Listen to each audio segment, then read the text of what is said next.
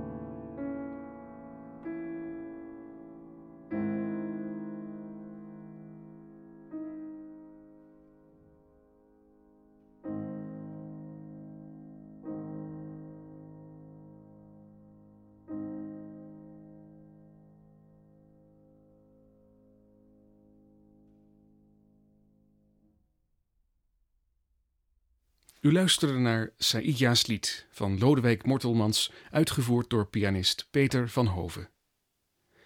Na drie jaar keert Saïdja terug naar zijn geboortedorp Badour. Hij is groot en sterk geworden en is vastbesloten te gaan trouwen met zijn Adinda.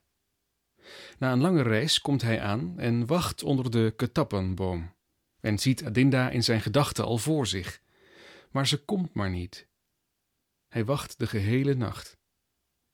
Als hij dan uiteindelijk het dorp ingaat en de mensen aanspreekt, vertellen ze dat Adinda's vader precies hetzelfde is overkomen als de zijne. Het districtshoofd heeft hun de buffels afgenomen en ze zijn gevlucht. Saïdja gaat zijn Adinda zoeken, verderop in de streek, waar de inlanders strijden tegen de Nederlandse kolonisator. Dan komt hij in een dorp dat pas veroverd was door de Nederlanders en, zoals Multatuli zei, dus in brand stond.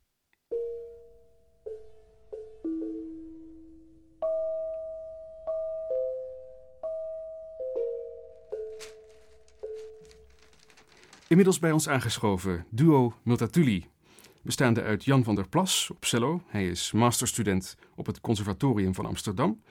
En daarnet afgestudeerd Stefanus Harsono op piano. Cellist Jan van der Plas heeft verschillende masterclasses gevolgd, was aanvoerder van het Ricciotti Ensemble en speelt in meerdere andere ensembles. Ook pianist Stefanus Harsono heeft verschillende masterclasses gedaan, onder andere bij Wibi Soyadi. Stefanus en Jan, hartelijk welkom. Jullie heten Duo Multatuli. Wat is jullie band met Multatuli? Nou, allereerst, misschien mooi om even te vertellen, is dat wij allebei een Indonesische achtergrond hebben. Mm Stefanus die komt uit Indonesië, uit Semarang, Midden-Java. En ikzelf ben half Nederlands, half Balinees. Mhm. En Multatuli vormt voor ons eigenlijk de kern van onze Nederlands-Indonesische identiteit. Want wat Multatuli doet met, eh, wat hem lukt door ehm, met zijn kunst eigenlijk voor elkaar te krijgen wat hem als persoon niet lukt, inspireert ons enorm met onze muziek om ook voor elkaar te krijgen met de kunst wat in het normale leven in, een, in alleen de samenleving eigenlijk niet lukt. Ah ja, ja, ja, mooi gezegd. En ja, jullie, eh, je hebt het net over je Indonesische afkomst gehad. En eh, hoe wordt er in Indonesië gekeken naar de Max Havelaar? Ja, daar kan ik wel even over zeggen, want Mhm. eh, nou ja, ik ben daar in Indonesië opgegroeid Ja. en eh, getogen ook. Ik heb daar middelbare school gedaan. Over Max Havelaar zelf als een kunstwerk, het boek, worden wij niet op school heel erg veel eh, geleerd, laat maar zeggen. Wel over wie Multatuli is. Ja. En er wordt gezien in Indonesië dat Multatuli eigenlijk de, ja, degene de zaadjes eigenlijk ehm, geeft aan de Indonesische nationaliteit eh, Mhm. beweging. En zonder Multatuli bestaat eigenlijk Indonesië niet. Want het boek van Max Havelaar heeft heel veel mensen eh, eh, geraakt natuurlijk in Nederland. Ja. Eh, politiek gezien heeft dat wat bewegingetjes gemaakt in Nederland. En ja, ehm, ja, dat is eigenlijk het. En mensen zoals Van Deventer of zelfs de kleinzoon van Multatuli zelf, eh Douws Dekker, Ernst, niet Mhm. Edward. Ja. Die was een van de belangrijkste figuren in Indonesië's eh, nationalismebeweging. En er wordt natuurlijk eh, eh, zeer op prijs gesteld door Sukarno, die het boek zelf heeft gelezen. Ja. Maar ook door anderen, eh, zoals Sigmund Freud natuurlijk, zoals wij weten. En het boek, het gekke is dat het boek verscheen pas in het Indonesisch in het jaar 72. En ik vermoed dat het komt omdat heel veel Indonesiërs in die tijd nog Nederlands konden spreken. Dus ze komen wel in aanraking met het boek in het Nederlands, maar dan wordt pas vertaald in 72. Dus wij als kind op school wordt geleerd dat Multatuli een belangrijke persoon is. Mhm. En ja, dat hetgene die eigenlijk Indonesië ehm nationalistische beweging heeft begonnen. Juist, ja. ja nee, Sukarno, de eerste president van de Republiek Indonesië, die heeft het nog in het Nederlands kunnen lezen natuurlijk. Natuurlijk, ja. Ja, en dan in 1972 zei je, Mhm, was er behoefte aan een eh Bahasa Indonesia versie. Ja, en dan eh, dat boek was eh, in drie maanden tijd uitverkocht in Indonesië. Wordt drie malen meer gedrukt in, in hetzelfde jaar. Ja, Dus ehm, dat was natuurlijk heel populair geweest. Maar ja, het- het is meer voor Indonesische mensen als een eh, politiek eh, eh, eh, ehm, ja, bouwsteen, laat maar Mhm. zeggen. ja, Meer dan een li- literatuurbouwsteen voor Indonesiërs. juist, ja. Het is echt een politiek manifest, wordt, Ja. zo wordt het gelezen. interessant, want zo heeft Multatuli het ook bedoeld. We hebben het met uh, Elsbeth Etty eerder over het feit dat ja, Multatuli eigenlijk geen schrijver wilde zijn van een roman. Hoewel hij natuurlijk een schitterende stylist is. Maar hij wilde een pamflet schrijven, eigenlijk een hulpkreet aan de Nederlandse regering over de, de onderdrukking van de Javaan. Mhm. Dus dat, nou ja, dat is goed opgepakt blijkbaar uh, in Indonesië. Deze podcast uh, richt zich vooral op het verhaal van Saidja en Adinda, dat eigenlijk een microcosmos is van dat hele uh, bouwwerk van de Max Havelaar. En wat doet dat verhaal met jullie? Nou, ik moet zeggen dat het, dat, dat verhaal illustreert misschien nog wel het best wat Multatuli probeert aan te dragen. Namelijk mhm. het misfunctioneren van heel het cultuurstelsel richting de Indonesische bevolking. Maar eigenlijk het verhaal is zo persoonlijk dramatisch verhaal. Dat wat Stern ook aan het eind van dat hoofdstuk ook zegt. Dat, uh, uh, dat eigenlijk het verhaal meer de waarheid zou kunnen spreken dan uh, gewoon de losse feiten over wat er gebeurd zou kunnen zijn mhm. in, in dat land.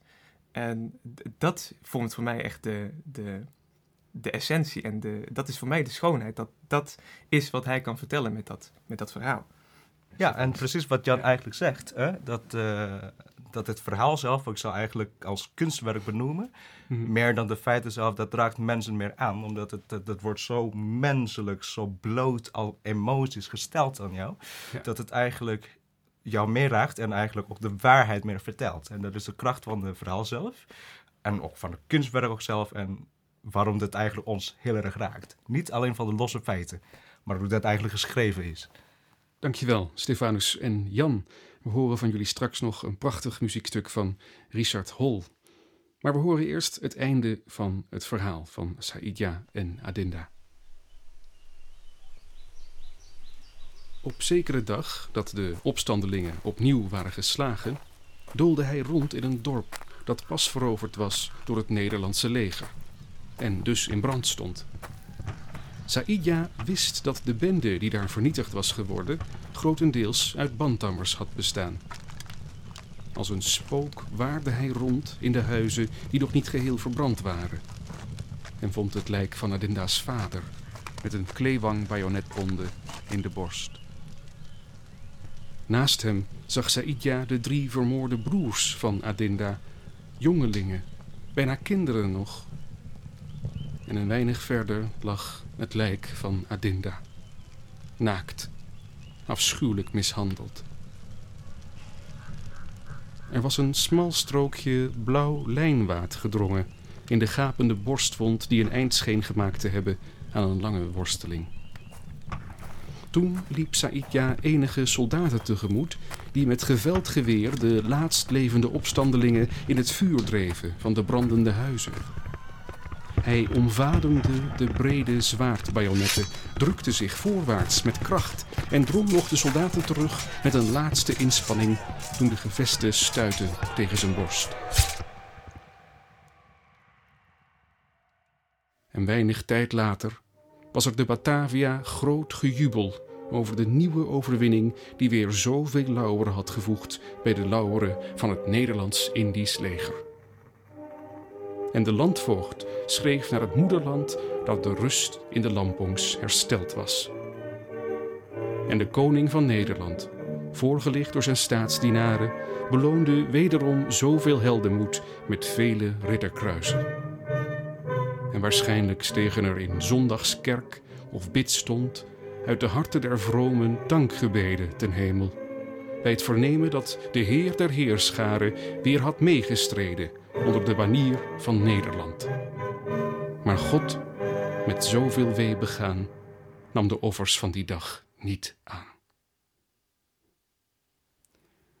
En zo eindigt het droevige verhaal van Saidja en Adinda in de Max Havelaar.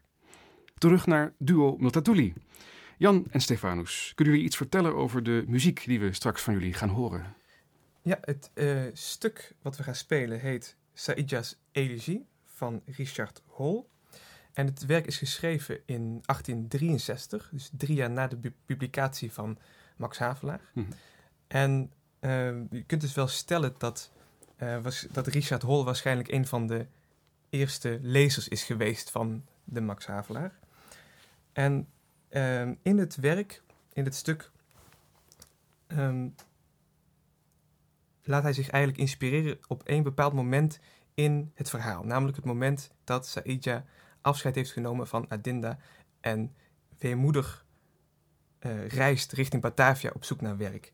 Daar zingt hij het lied Ik weet niet waar ik sterven zal. Mhm. En in de frases van dat lied uh, twijfelt hij uh, waar hij uiteindelijk wellicht ten ruste zou worden gelegd. Of het zal zijn in de zee, of wellicht in een brandend huis, of bij de val uit de klappaboom. Uh, en op het laatst, in de laatste strofe, zegt hij dat hij zal sterven in Badour, in het dorp waar hij vandaan komt. En dat daar Adinda voorbij zal gaan. En precies op dat moment in de muziek, in de laatste strofe, um, stijgt de muziek als het ware op. Waardoor het eigenlijk een soort van, voor mij persoonlijk, een, een, een Tristan en Isolde liebesdood gevoel mm. geeft. Waarbij eigenlijk hij het gevoel geeft alsof de twee geliefdes elkaar alleen terug kunnen vinden in de dood. Wat uiteindelijk natuurlijk in het verhaal ook gebeurt. Juist, heel Wagneriaans thema dus eigenlijk. Zo voelt het wel inderdaad. We hebben uh, het gedicht, althans een fragment daarvan, eerder in deze podcast gehoord in een versie van Willem Royaerts. Uh, geïnspireerd door de Javaanse straatvertellers. Um, en uh, wel mooi dat we inderdaad van een tijdgenoot van Multatuli dat gaan horen voor, voor cello en piano, als het ware een getoonzet gedicht.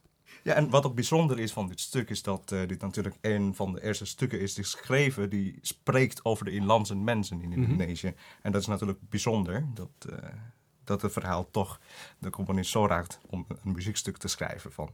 En dat, um, nou ja, dat verhaal van poëzie, de twijfel, de, de emotie van twijfel, dat kunt u heel goed horen in de muziek. Aan een oneindige lang opbouw van de muziek, zoals mm -hmm. u kunt horen.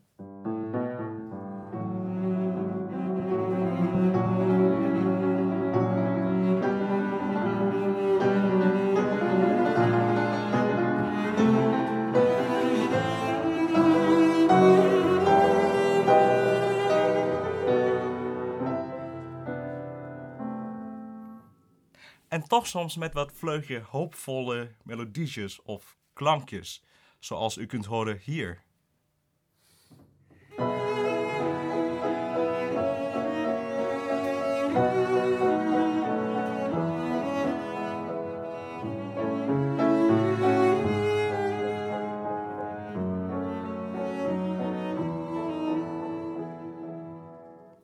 En over het einde gesproken, ja, u kunt natuurlijk op vele manieren interpreteren. Maar we laten dan het stuk voor zichzelf spreken. Want um, ja, de kunst, uh, dat, dat kan beter gespeeld worden dan gesproken, denken wij. Kijk, een hele goede inleiding, denk ik. Laten we vooral luisteren.